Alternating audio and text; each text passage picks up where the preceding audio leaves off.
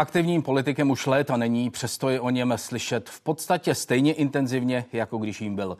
Vládu kritizuje za nedostatečně razantní úpravy ve vybírání a vydávání veřejných peněz. Za to, že, jeho slovy, neuklízí po vládách předchozích.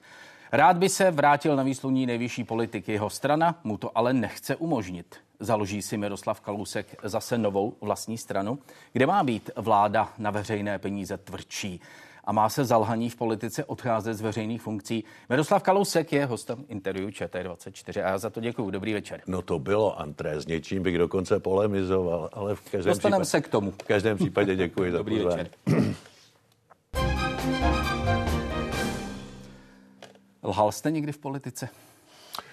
Um, Myslím, že jsem nikdy nelhal tak, abych se díval na černou zeď a říkal, ta, ta černá zeď je bílá. To bohužel je specialita třeba Andreje Babiše.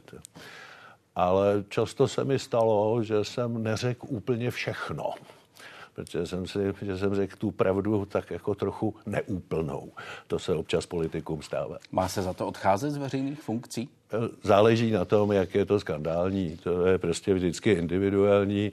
Pochopitelně, když politik lže, já nevím, tak třeba k nehorázným způsobem, jako si vzpomeneme na pana Hejtmana Haška, tenkrát prvního místo předsedu sociální demokracie. To bylo v interview ČT24. To bylo v interview ČT24. Hmm. Tak tam asi už nic jiného nezbývá. Záleží na tom, jak tou, jak tou lží, nebo tou nepravdou, nebo, nebo tou zkreslenou informací, jak on sám ztratí tu svoji věrohodnost. A to, to je vždycky na konkrétní otázka konkrétního případu. Hmm, hmm, na to se nedá říct obecně. Má přestižený politik odcházet sám nebo počkat, co na to řeknou stranické orgány? A to je zase otázka konkrétního, z konkrétní Dobře, situace. Tak vy asi samozřejmě eh, víte, kam mířím, pochopitelně. Jistě. Uh, já... Mířím k Marianu Jurečkovi. Má odejít sám, nebo vám jeho omluva stačí? Omluva ne. za to, jak vysvětloval, nevysvětloval, podle mediálních informací se, lhal o tom večírku. Nehněvejte se, já jako řadový člen jedné vládní strany, já sám jste to říkal, často kritizuji vládní politiku, ale nebudu žádného ministra veřejně vyzývat k odstupování. To je věcí premiéra nebo členů jeho vlastní strany, což není případ vztahy mé a pana Jurečky. Já to pokládám za poměrně... A proč ne? Neměl by politiky jasně svá stanoviska říkat a ty říct jasně. No, ne, politik... nelhal, stojím za ním, zůstane. Politik... Lhal, vadí mi to, má odejít. Pol, aktivní, aktivní politik možná ano. Já, si, já, to víc, já, využiju, já využiju toho, že ne, já skutečně nechci dělat kádrováka a soudit. Ta, ta záležitost je nešťastná. Já myslím, že kdyby pan minister Jurečka druhý den řekl, dopustil jsem se vážné chyby v úsudku, strašně mě to mrzí a všem se omlouvám, tak ta věc asi skončila tím, jak to z něj lezlo, jak schlupaté deky a jak, jak opravdu mlžil a já nechci říct, že lhal, ale docela trapně se vykrucoval, no tak prostě z toho sám našlehal prostě velký problém, která, který, který ohrožuje... Až je to na odchod? Který ohrožuje jeho důvěryhodnost a zda je to na odchod, to musí zvážit on, jeho strana a, a, a předseda vlády. Dobře, tak občan Kalousek býval předsedou Kalouskem, dokonce mm-hmm. předsedou KDU, ano. ČSL i téhle strany. Kdybyste byl tím předsedou, požadoval byste odchod stranického Kdybych... kolegy, který namíchal ten koktejl, tak jak jste Kdybych byl tím předsedou, tak by se nepořádali vánoční večírky na ministerstvech za peníze daňových poplatníků. My jsme si, peníze, my jsme si vánoční večírky užívali také, ale v hospodách a za své. Takže já pokládám za nehoráznost už jenom pořádání večírku na ministerstvech no, no, za, dobře, ale za tak peníze. To ale nemusíte, nemusíte mě brát, nemusíte nemusíte mě brát vážně, já jsem ze staré školy, dneska jsou třeba už jiné, jiné Požadoval poměry. byste odchod nebo ne? Eh, já v tuhle chvíli nevidím do té strany. Ta strana je v složité situaci, protože když si odvolá svého předsedu strany z vlády, tak oslabí. A samozřejmě, že ta kauza ji oslabuje také. Oni si musí pragmaticky zvážit, co je pro ně při jejich stabilních preferencích pod 5%, co je pro ně více nebo méně riskantní. A to je prostě jejich soud, jejich úvaha, jejich věc a já za ně tady mluvit nebudu. Nevyrazíte to země, pane Takáči. Hmm. Zkuste to ještě z různých stran, ale stejně se vám to nepovede. Já a, nikoho... a nepoškozuje to i další já... vládní strany pod 5% veřejných preferencí. Já myslím, že prostě té vládě to na důvěře nepřidá. Samozřejmě poškozuje jí to a to si prostě znovu opakuji. Ti, kteří to mají říct a zvážit, je premiér, pan ministr Jurečka a jeho vlastní strana. Já to dělat nebudu. Měly by ve vládě padat hlavy kvůli ekonomickým reformám? Uh, ne. No to už jsem vláda by... předchozí Padat hlavy určitě ne, ale určitě by ta vláda měla v ekonomických reformách přidat. Je poměrně vyděsila a vyděsila informace pana ministra Staňury, že ty následující dva roky už nemáme nic čekat. Dva roky je strašně dlouhá doba a prostě tahle země příslušné reformy potřebuje nutně. To znamená, že se nebude dva roky dělat nic. Mě docela vyděsilo, doufám, že to tak nemyslel. Hmm. Dvě věci, ve kterých vláda měla být, anebo může tedy být ještě do těch voleb razantnější, které byste vybral ty nejdůležitější dvě.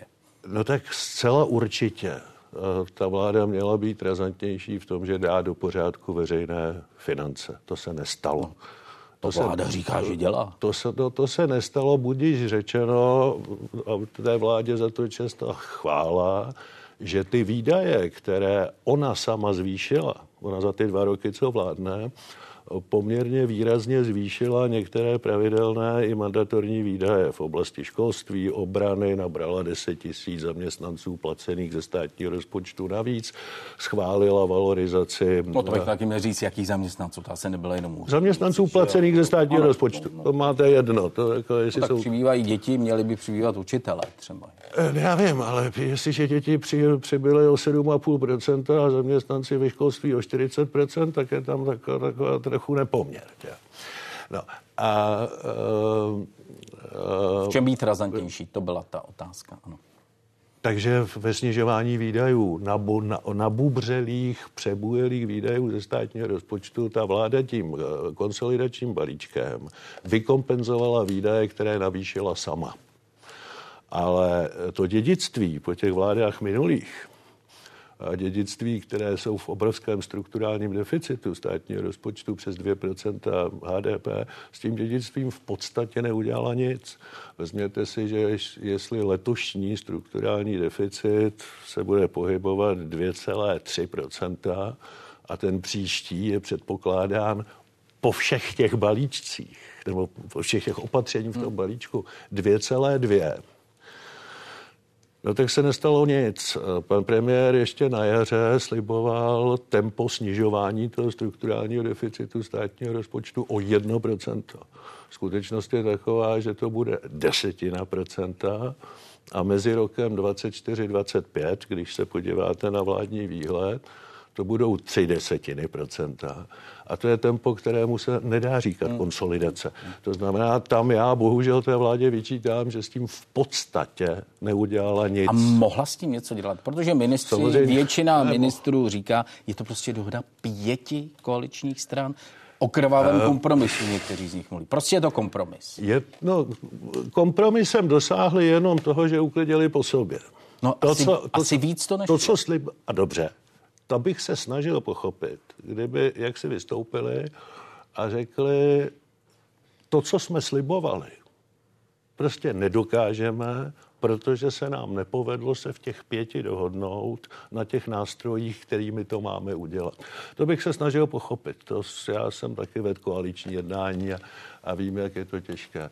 Ale jako voliče, já jinak než jako volič mluvit nemohu, jako voliče mě docela uráží, když mi říkají, nám se to povedlo. My konsolidujeme a my si jako její voliči umíme spočítat, že nekonsolidují. Hmm. Daňový poplatník ušetří na, na dotacích 84 miliard. A my si umíme spočíst, že to není pravda, že to ten daňový poplatník neušetří, že to sice nezaplatí ve státním rozpočtu, ale zaplatí to buď v jiných rozpočtech nebo ve vlastních fakturách.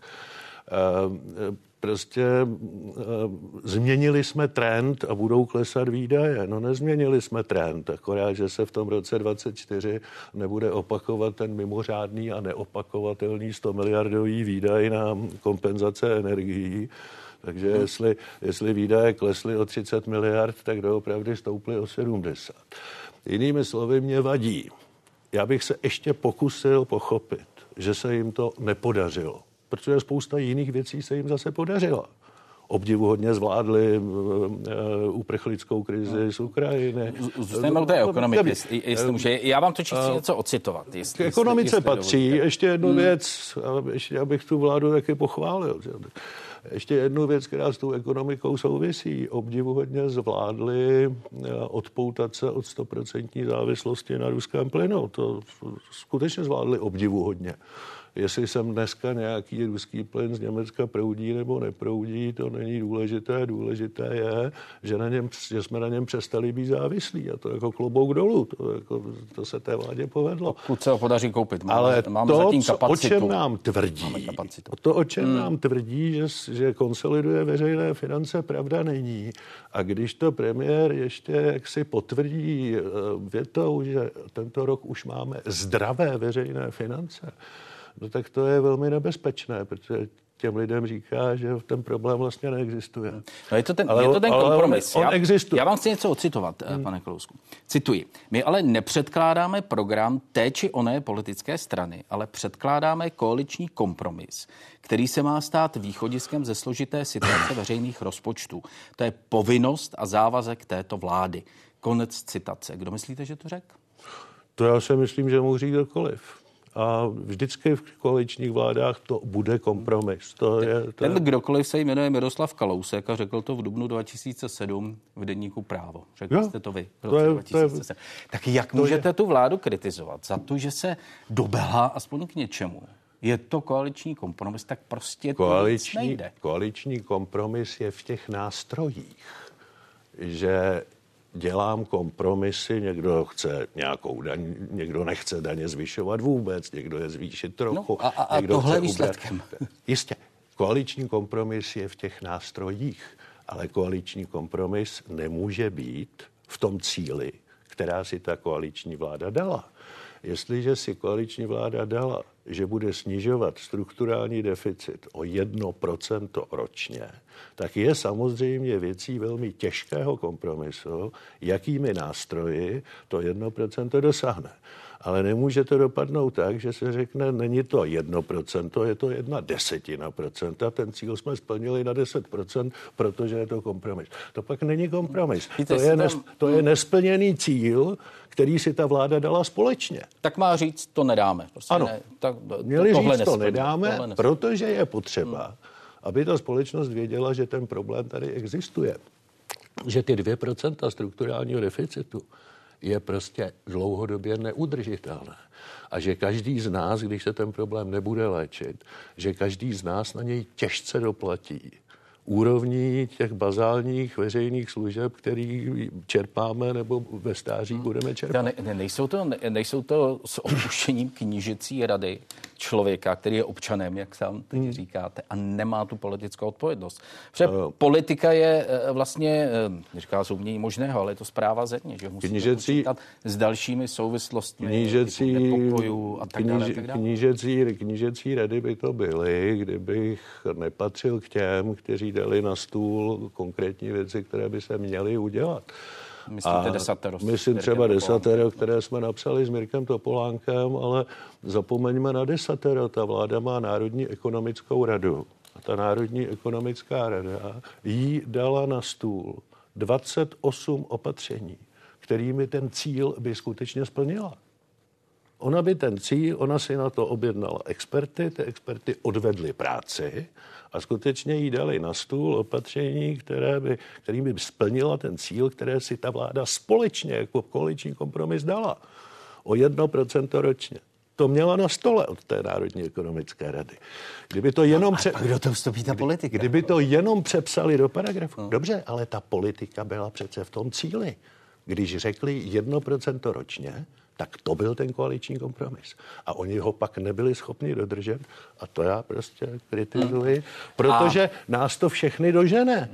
A to všechno opra- budeme platit. Opravdu nás to dožene? Opravdu, opravdu je to nutné. Když se podíváme po západním světě, tak tam jsou zadlužení všichni a mnozí násobně víc než Česká Jistě. republika. Násobně víc Jistě. než Česká republika. Záleží... A nikdo s tím problém nemá. A tahle vláda, to... ano, nepatrně strukturální deficit, o něco víc celkový deficit. Záleží, nestačí ten signál? Záleží, záleží na tom tempu.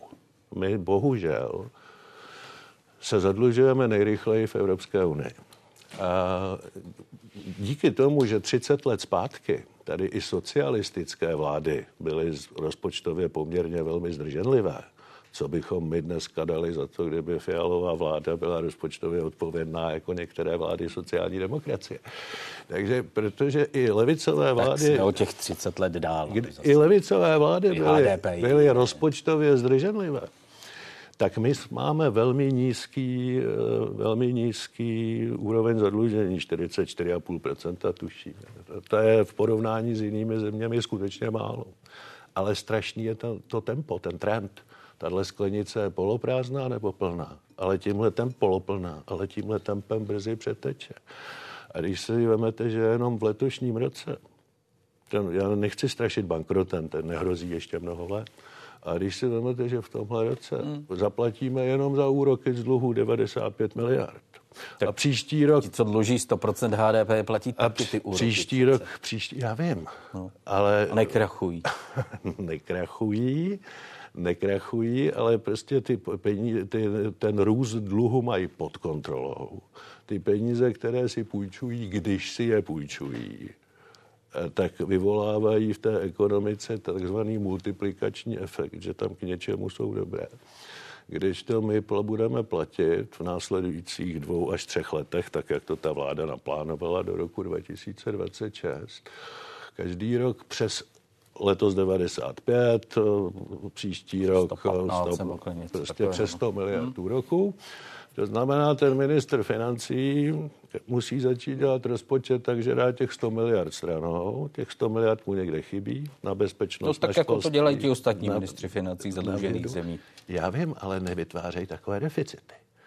Ty ministři takhle zadlužených zemí jsou, musí dát ty peníze na tu dluhovou službu stranou, ale ušetří je. Oni si je nepůjčují, když to my si je půjčujeme. Když se podíváte do Řecka, které je neskutečně zadlužené, skutečně neskutečně, tak opravdu oni platí každý rok obrovské peníze za svoji dluhovou službu. No ale ty, ty peníze mají, ale ten strukturální deficit mají stabilizovaný.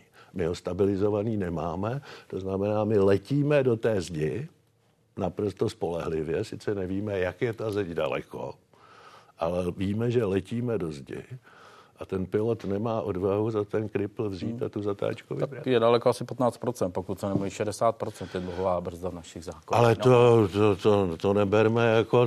Zeď je okamžik, je okamžik kdy vám ty hmm, trhy hmm, začnou... Ani zákony nepomohou.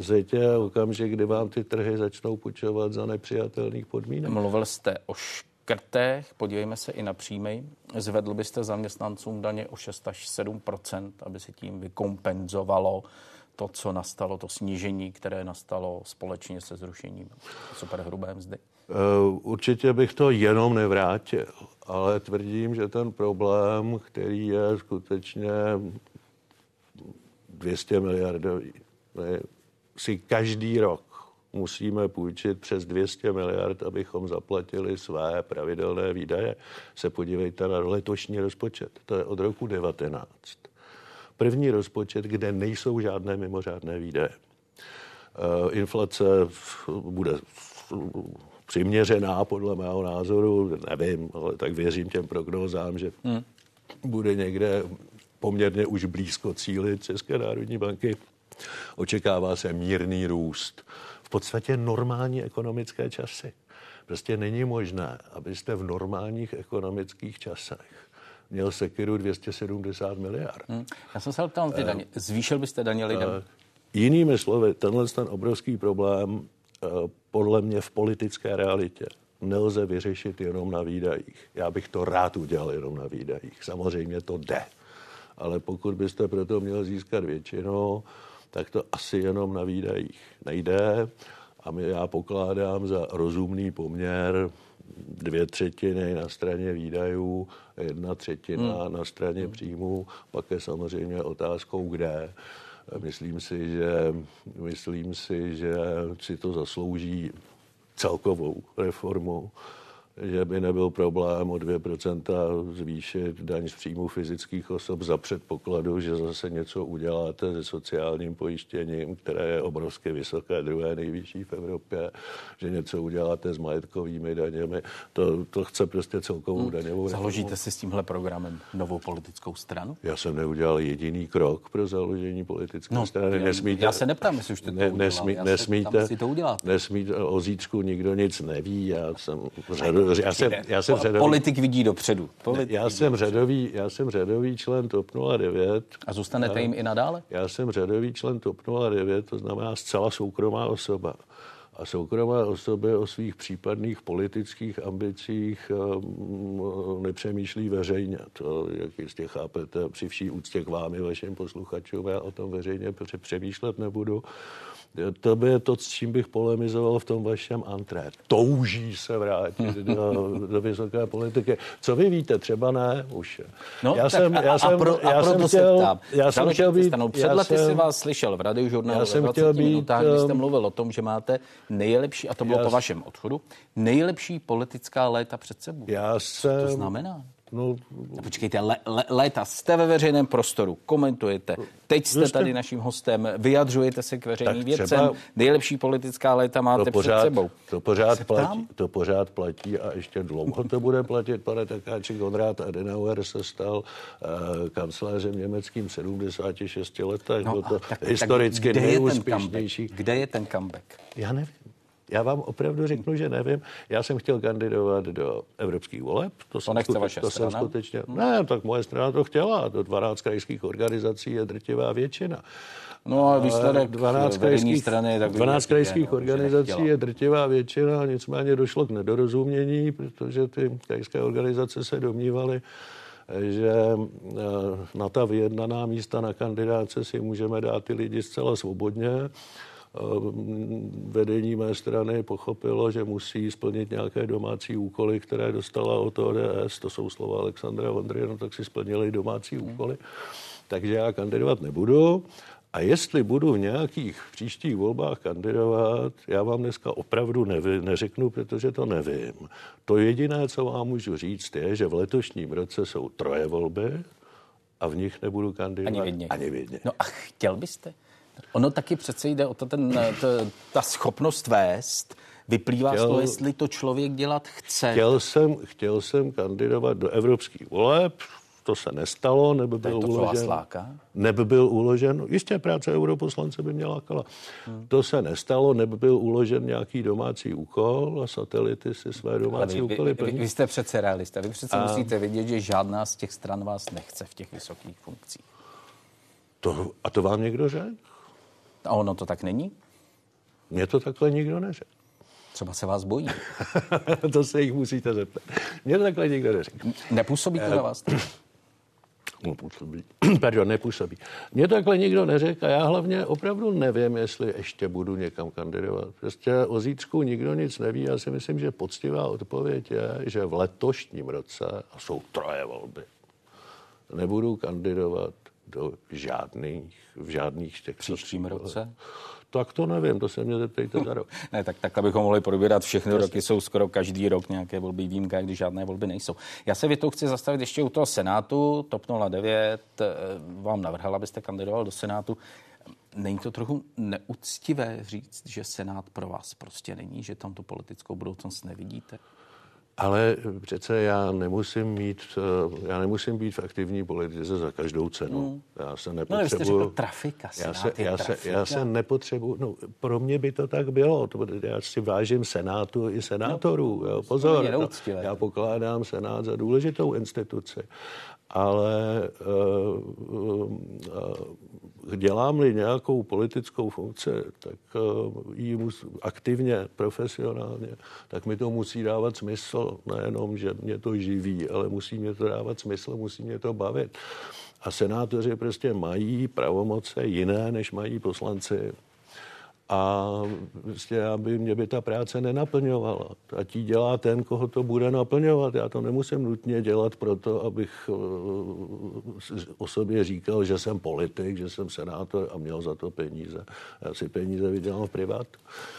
Eh, prezident Pavel rozvířil politiku svým požadavkem, aby se po letech začaly dělat kroky vedoucí k přijetí eura. 70% lidí zhruba euro nechce.